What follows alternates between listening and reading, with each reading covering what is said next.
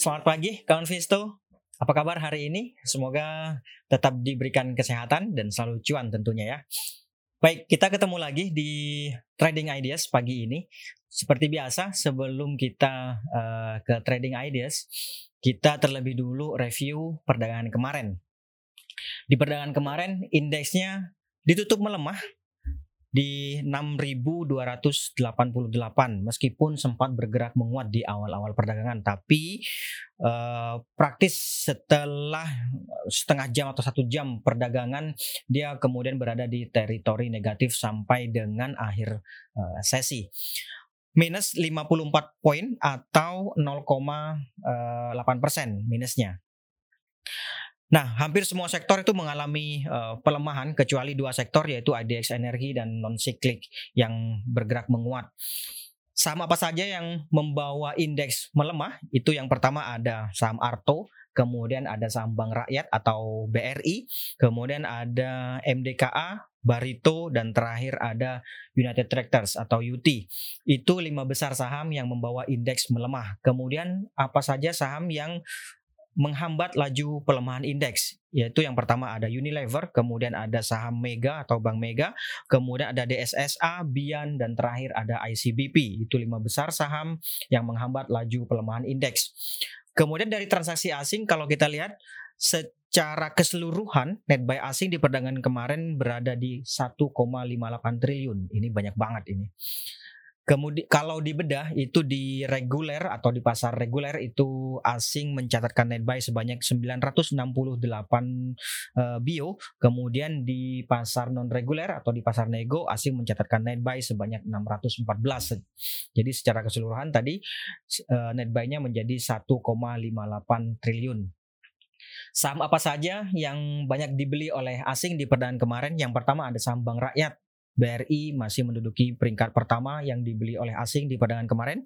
Kemudian berikutnya ada Pegas, kemudian berikutnya lagi ada Bank Mandiri, BCA, kemudian uh, Citra. Itu lima besar yang banyak dibeli oleh asing di perdagangan kemarin. Kemudian saham apa saja yang banyak dijual oleh asing di perdagangan kemarin? Ada saham Merdeka, kemudian ada saham Arto, Telkom, Antam, dan terakhir ada uh, eh, ABMM. Itu lima besarnya. Nah, bagaimana dengan pergerakan hari ini atau outlook hari ini? Nah, kalau kita lihat di sini, memang kemarin, nah seperti tadi seperti tadi saya sampaikan bahwa sempat bergerak menguat di awal perdagangan, hanya saja kemudian mengalami tekanan jual sampai dengan akhir sesi atau bergerak pada kecenderungan melemah. Kalau melihat stokastik yang mengalami bearish crossover ini, ini kan akan berpotensi untuk melanjutkan pelemahannya, gitu ya. Tetapi menariknya adalah kemarin itu dia mencoba untuk bertahan di sini kawan. Di atas 62 eh 6260 di sini ya. Dia mencoba bertahan di atas 6260 dan saya pikir kemampuan harga, kemampuan indeks untuk bertahan di atas itu saya pikir akan memberikan peluang untuk mengalami rebound sejenak. Atau uh, bergerak menguat gitu ya. Jadi kurang lebih bisa jadi seperti ini kalau melihat kemarin-kemarin kan uh, selama sepekan terakhir ini dia menguat kemudian melemahnya seperti ini kembali menguat long white Norubozu dan uh, apa namanya melemah lagi. Dan saya pikir hari ini juga akan kembali bergerak fluktuatif bisa saja di awal dibuka melemah kemudian mampu untuk menguat ataupun sebaliknya tapi yang kecenderungan masih menguat gitu ya. Jadi hari ini diperkirakan akan kembali bergerak fluktuatif dan kecenderungan menguat terbatas. Itu kemudian Ring pergerakannya diperkirakan antara 6260 sampai dengan 6340 di sini kawan. Tadi ya 6260 di level ini kemudian uh, 6340 ya di uh, saya kasih garis di sini kawan. Nah ini dia. Ring pergerakannya diperkirakan di di level-level itu jadi sebenarnya mengalami konsolidasi gitu kan. Seperti tadi saya sampaikan diperkirakan akan bergerak fluktuatif atau melanjutkan konsolidasi atau mengalami konsolidasi dengan kecenderungan menguat terbatas. Kemudian ide trading yang pertama ada Astra. Coba kita lihat Astra ya. Saya besarkan dulu. nah, ini dia Astra. Ya, di perdagangan kemarin Astra tampaknya uh, ditutup melemah dan belum mampu untuk bergerak melewati resistance level yang ada di 5675. Tuh, dan saya pikir ini berpotensi untuk uh, melanjutkan pelemahannya terlebih lagi indikasi bearish crossover juga terjadi pada stokastik di sini. Jadi idealnya ini adalah take profit atau uh, bisa juga sell on strength gitu ya. Bisa di 5675 uh, di resisten level ini boleh jual pasang jual di situ atau di bawahnya ya 5600 bisa dipertimbangkan di level-level itu. Kemudian bottom fishingnya di berapa? Bottom fishingnya itu di 5425 di sini kawan. Sebentar saya kasih garis ya. 5425 itu di sini. Ya, di sini ya. 5425. Jadi kalau misalnya laku di 5675 atau 5650 saya pikir sih 5425 cukup sih. Itu. Di bawahnya ada 5325 di sini uji EMA 20 ini kawan. Gitu ya.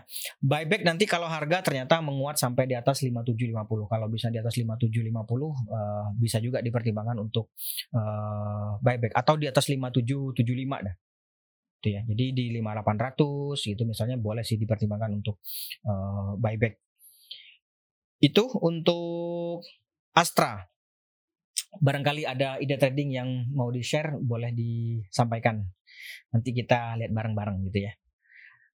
Oke berikutnya ada INKP INKP nah saya pikir ini menarik INKP kalau sekilas kita melihat nih ya ntar saya besarkan dulu.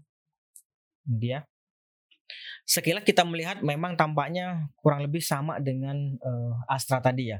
Uh, melemah kemudian dia belum mampu untuk bergerak di atas 9000 dan kemudian di sini ada terjadi uh, bearish crossover pada stokastiknya gitu ya. Sekilas kita memang tampaknya sama, tetapi perbedaannya adalah ini terjadi golden cross pada EMA 50 di sini kawan. Jadi ini bukan sell on strength tapi lebih kepada buy on weakness. Jadi boleh dipertimbangkan untuk INKP ini buy on witness. Buy on witness di berapa? Saya pikir di 8.200 boleh atau 8.000 sampai dengan 8.200 itu uh, bisa sih di situ. Memang sih kalau dibandingkan yang closing kemarin yaitu 8.600 kita harus nunggu dulu. Ya, betul, nunggu dulu di level-level sini kawan. Ini kan 8.200 nih. Jadi uh, apa namanya tunggu aja di level-level ini. Itu idealnya begitu. Tapi kalau hari ini misalnya dia bergerak menguat sampai di atas 9000, saya pikir sih boleh juga uh, ikutan gitu ya.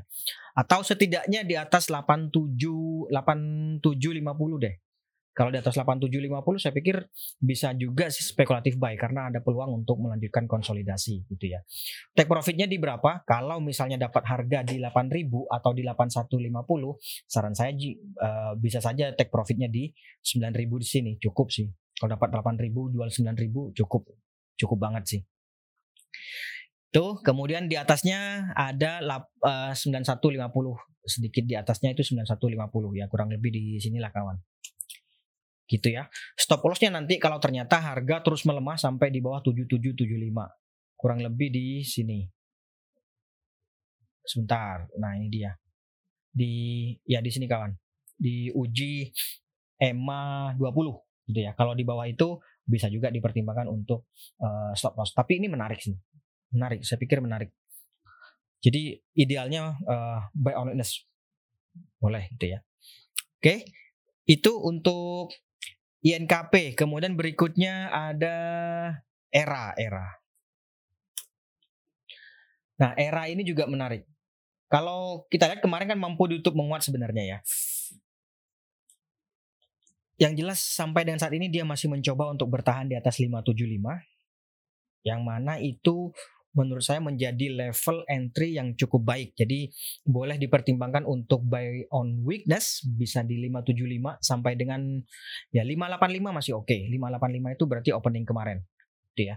Jadi 585 atau di bawahnya itu 575. Saya pikir boleh boleh dipertimbangkan untuk uh, apa namanya uh, buy on weakness di level-level itu. Nanti take profitnya itu ada di 610 di sini kawan. di sini ya 610 saya kasih garis aja deh.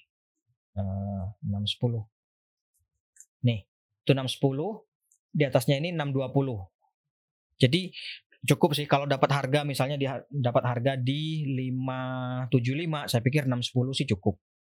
Itu ya. Atau bahkan dapat harga di 580 pun 610 saya pikir sih masih cukup gitu ya atau di atasnya ya 620 gitu stop lossnya nanti kalau harga ternyata melemah sampai di bawah 555. Nah, ini di sini kawan, 555.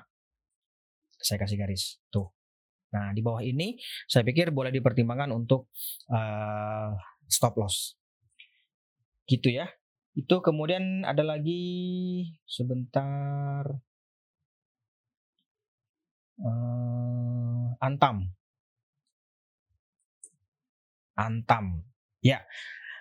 Kemarin Antam sempat bergerak menguat sampai uji MA 200 yaitu di 2420 hanya saja belum mampu atau mengalami tekanan gitu ya. Dan sebenarnya masih melanjutkan konsolidasi, masih ada peluang untuk bergerak menguat. Kalaupun mau masuk, saran saya sih bisa juga ini uh, buy on weakness atau spekulatif buy bisa di 2250 sampai dengan 23 2290 boleh buy on di level-level itu. Atau kalau hari ini dia kembali menguat di atas 2320 saya pikir bisa juga eh, dipertimbangkan untuk spekulatif buy. Targetnya di 2370 paling dekat.